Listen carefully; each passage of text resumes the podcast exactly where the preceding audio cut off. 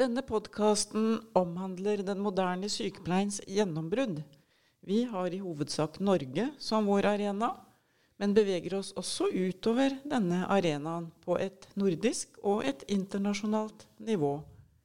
Podkasten strekker seg fra overgangen mellom det 19. og 20. århundre, i årene som første verdenskrig fant sted, og mellomkrigstiden fram mot annen verdenskrig. Den omfatter fire episoder, hver på mellom 20 og 30 minutter, og i denne første episoden er det overgangen mellom ufaglært og faglært sykepleie vi skal snakke om.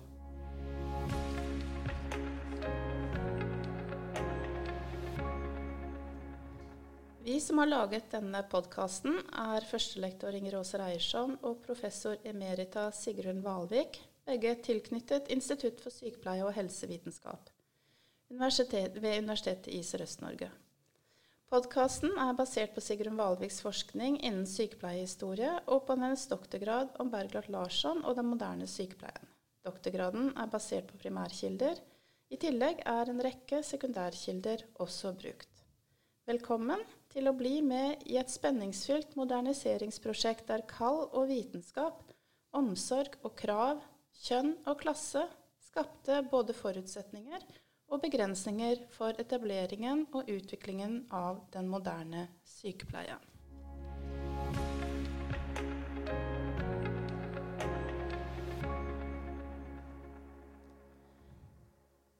I denne første episoden er det overgangen mellom ufaglært og faglært sykepleie som er sentreringspunktet.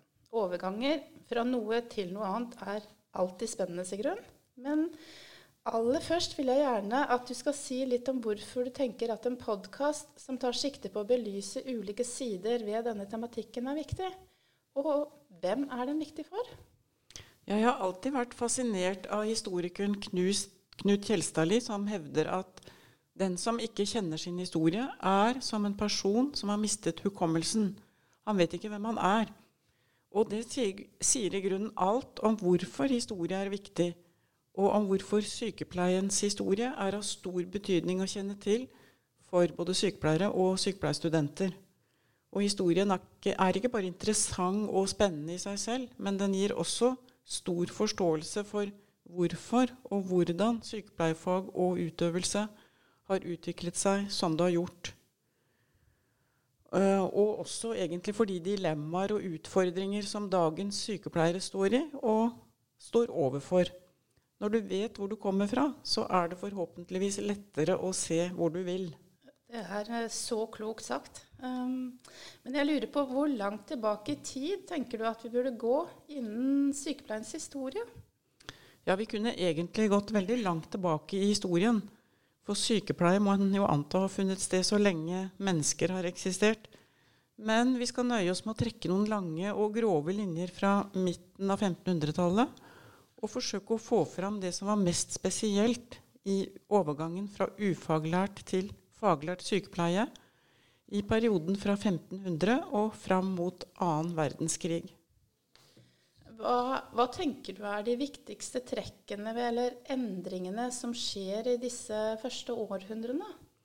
Ja, På 1500-tallet er det jo reformasjonen og Luther som er særlig viktig.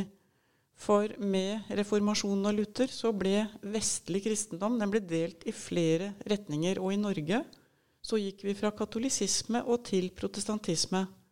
Og da skjedde det noe som fikk betydning for pleie av syke.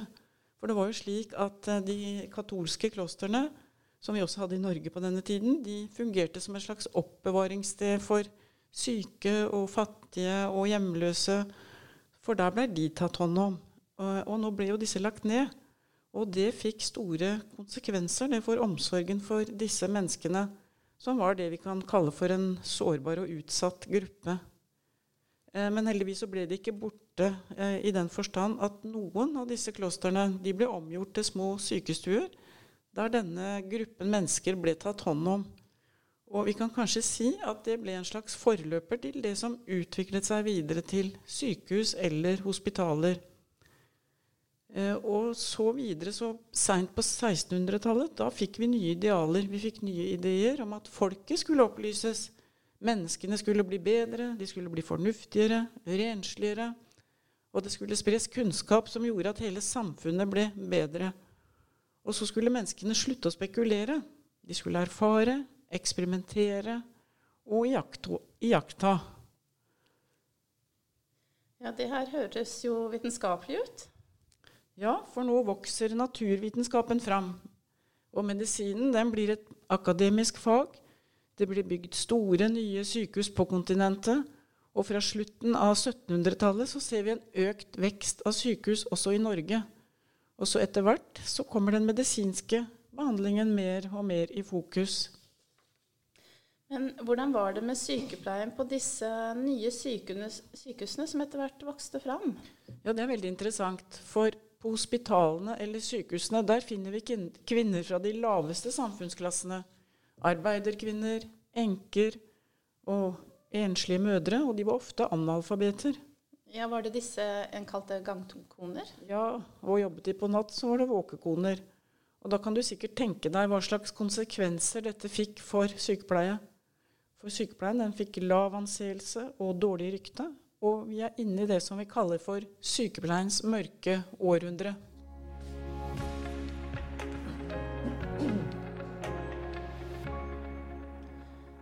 Men eh, når begynte det å se lysere ut? Ja, Vi kan kanskje trekke fram Sankt Josef-søstrene. De ble stiftet i 1648 i Frankrike. For disse var de første nonnene som nå gikk ut av klostrene og drev med omsorgsarbeid for fattige og syke mennesker. Og vi kjenner jo nonnene her i Porsgrunn, som etablerte St. Josefs hospital på slutten av 1800-tallet. Ja, det er sant. Eh, det høres ut som dette med fattige og syke mennesker er eh, spesielt uttalt på denne tiden? Ja, det var ekstreme forhold i hele Europa når det gjaldt nød og fattigdom. Og det, det, var vel en viktig grunn til at det ble etablert et uh, søstersamfunn da, i Tyskland, der det ble mulig å få opplæring i sykepleie. Og det var presten Theodor Flidner, som du sikkert har hørt om, og hans kone Fridrike. Og de grunnla dette lille hospitalet i Kaiserwert. Og det var jo hit Florence Nightingale kom i 1851 for å få opplæring i sykepleie. Ja, er det da med Florence Nightingale at vi begynner å snakke om den moderne sykepleien? Ja, det stemmer. Vi regner den moderne sykepleien fra ca. 1850. Hva var det som førte til at sykepleien ble moderne? Eh, for øvrig et artig begrep. Ja, Det har nok å gjøre med at vi er inne i en periode der samfunnsutviklingen den er voldsom på flere områder. Og særlig innenfor det som har med vitenskap å gjøre. Og vi har jo allerede vært inne på at det var en viss ut, vitenskapelig utvikling da, fra slutten av 1600-tallet og framover. Og denne utviklingen den raser videre på 1800-tallet. Og særlig da den medisinske kunnskapsutviklingen. Og det er jo på mange måter en revolusjon. Med nye muligheter til å diagnostisere og til å behandle sykdom.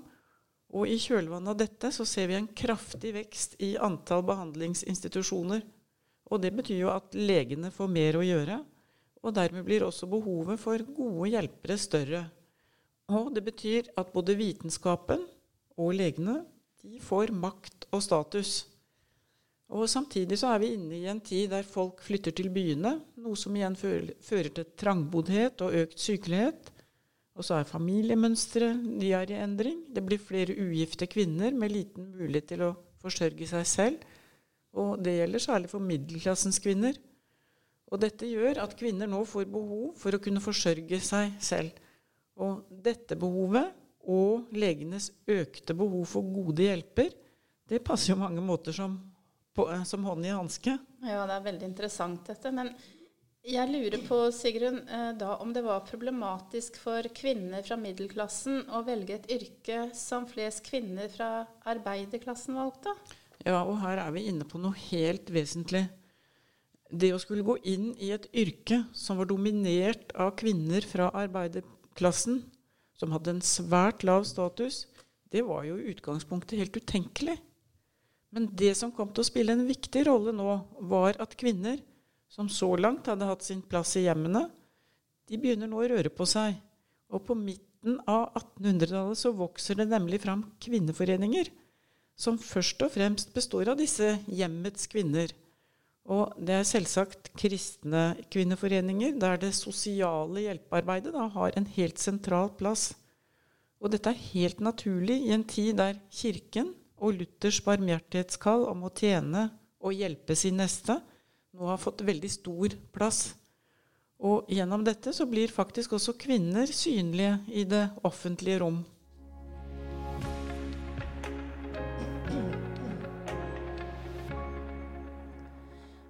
Ja, Barmhjertighetskallet er jo et fenomen også i den profesjonelle sykepleien. Ja, og da er vi inne på et fenomen som jeg personlig syns er et av de mest interessante i sykepleiens historie.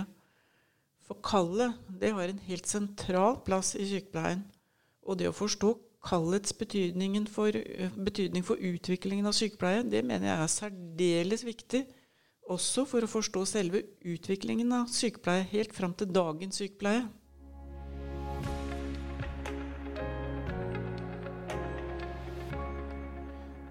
Vi må en kort tur innom Luther igjen. For Luther han mente jo at kvinnen primært var kallet til å bli hustru og mor.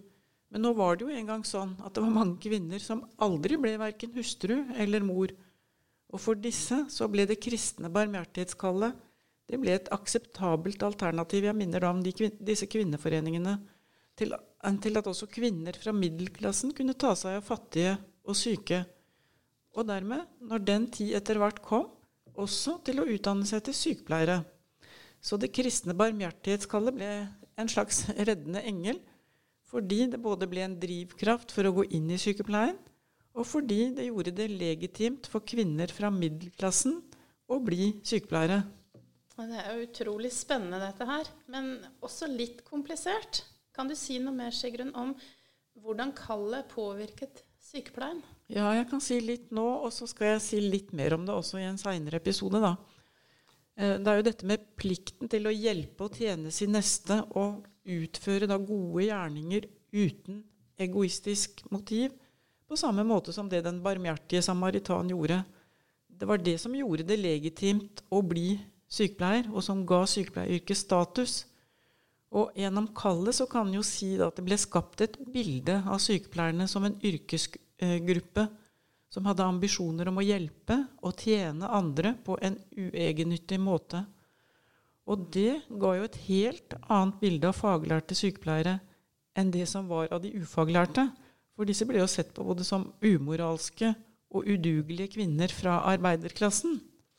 Ja, Betyr det at kallet til å bli sykepleier på en måte ble identifisert med barmhjertighetskallet? Ja, på mange måter så gjorde det det. Og disse idealene hadde jo også mye til felles med det som var kvinneidealer på denne tiden. Som det å være oppofrende og lydig, og det å ikke forvente å få noe igjen for det en gjorde. Dette var faktisk idealer som gjorde sykepleie til et respektabelt yrke. Og det gjorde også at middelklassens kvinner kunne søke dette yrket. Og i, første, eh, i, den første utgaven av vårt tidsskrift Sykepleien, som for øvrig er utrolig interessant lesing, så skrives det veldig mye om dette, om den barmhjertige samaritan, og at disse idealene også måtte være ledende i sykepleien. Jeg tenker at dette kan ses på som en slags religiøs strategi da, som var veldig viktig i etableringen av den faglærte sykepleien. Når ble forresten den første utgaven av Sykepleien utgitt? Ja, Det var like, ikke så lenge etter at NSF ble stiftet i 1912. Men for å si noe mer om kallet, så var det på mange måter et tveegget sverd i utviklingen av den faglærte sykepleien. For på den ene siden så ga det sykepleierne status, men på den andre siden så ble det også brukt mot sykepleierne, i den forstand at både arbeidsforhold, lønn og utdanning ble ansett som uvesentlig og underordnet fordi det var kallet og de moralske forpliktelsene overfor pasientene som skulle være selve drivkraften. Så jeg vil derfor hevde at det kallet det ble brukt, særlig av menn, og i den tiden vi er inne på nå, av prester og leger, mot sykepleierne.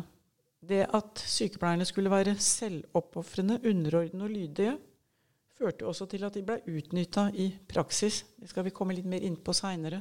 Ja, jeg syns det her er veldig tankevekkende. Eh, ser vi dette i dag også, syns du? Mm. Ja, jeg sier jo ja.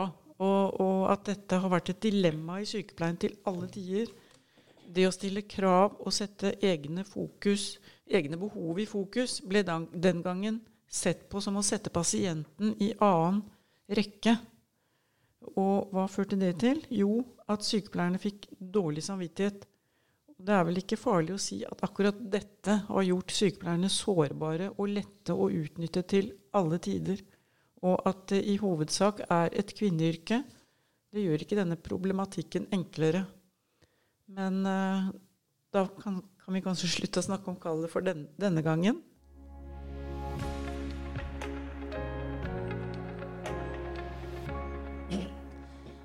Nå er jeg interessert i å høre litt om hvordan du tenker Florence Nightingale plasserer seg i det bildet du har tegnet så langt. Ja, det passer godt at du tar opp det akkurat nå, for sammen med Kalle så var det Florence Nightingale som skulle bli avgjørende for å endre synet på sykepleiere, og også gi det status og anerkjennelse. Og det er vel stor enighet om at Florence Nightingale anses som den moderne sykepleiens grunnlegger. Men det er faktisk ganske mange meninger og til dels mye uenighet om hva slags betydning Florence Nightingale egentlig har hatt for sykepleiens utvikling. Hun er kort sagt omstridt av sykepleierforskere. Og, og, dette er en svær diskusjon som ikke vi kan gå inn, inn på i denne podkasten. Men veldig kort om Florence. da, så kom hun altså fra the upper class i England. Og hun blei veldig lenge nektet av sine meget velstående foreldre i å bli noe så simpelt som sykepleier. Hun fikk likevel trumfet gjennom etter hvert å reise til Kaiserwert og ta sin utdannelse der. Hun ble forresten født 12. mai 1820, og det er derfor vi feirer den internasjonale sykepleierdagen akkurat på denne datoen. da. Og det som har gjort henne mest berømt, men jeg vil også si mest myteomspunnet, er hennes innsats under Krimkrigen. Den foregikk jo da fra 1854 til 1856. Og etter Krimkrigen, da, i 1860, så etablerte Florence Nightingale en fagutdanning for sykepleiere ved St. Thomas hospital i London. Og, og, det er denne jeg tenker at det er viktig å dvele litt ved. Selv om det kunne vært veldig mye å si om det hun har utretta innenfor f.eks. For forebyggende helsearbeid, og ikke minst hennes bruk av statistikk, og, og ganske mye, mye mer.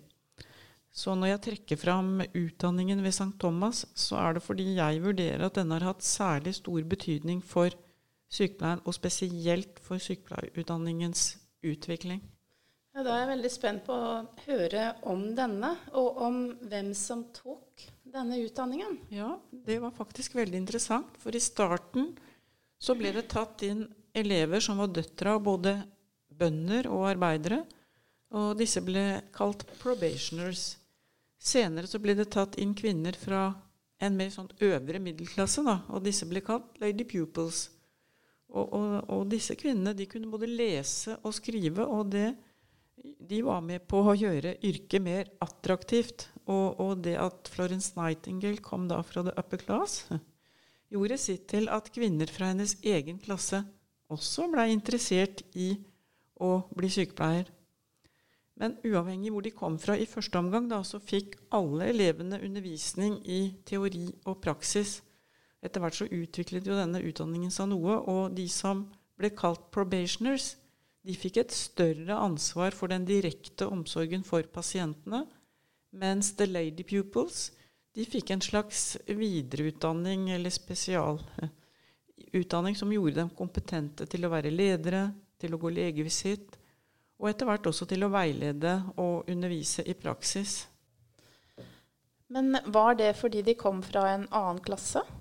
Ja, og, og, det er viktig å huske at disse kunne både lese og skrive. Og veldig mange av dem hadde også fått privatundervisning.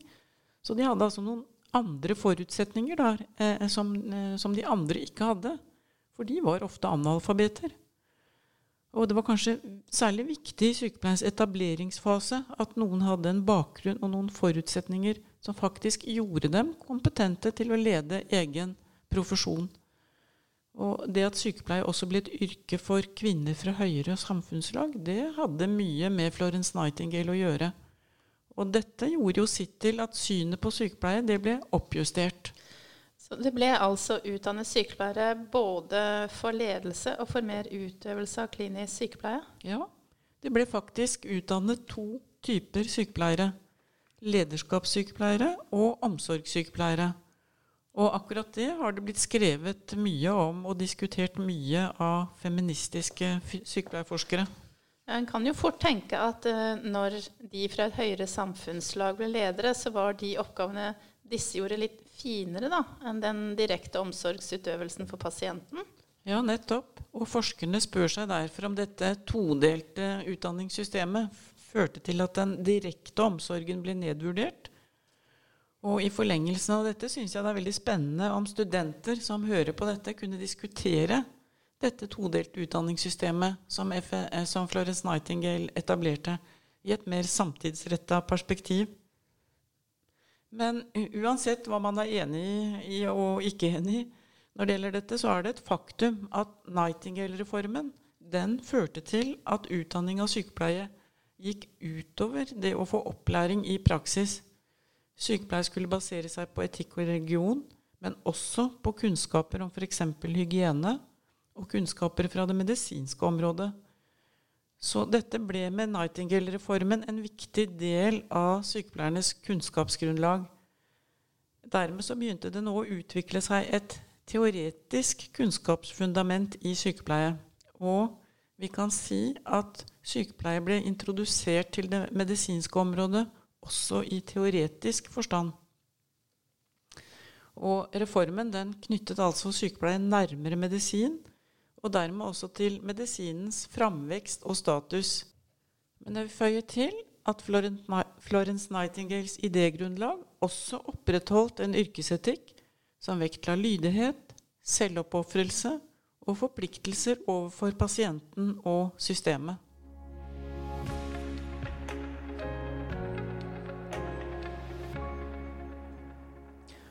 Åtte år etter at utdanningen ved St. Thomas ble etablert i London, så ble den første faglærte sykepleierutdanningen etablert i Norge, altså i 1868.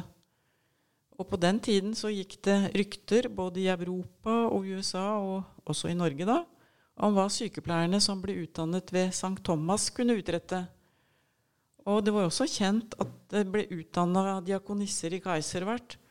Og dette var vel egentlig kunnskap som bidro til at Diakonisseanstalten i Kristiania, som det het en gang, eller Oslo nå, ble grunnlagt i 1868.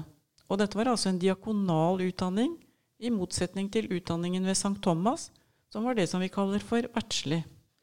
Men hva var egentlig forskjellen mellom disse? Ja, Diakonisseanstalten den var un underlagt kirken.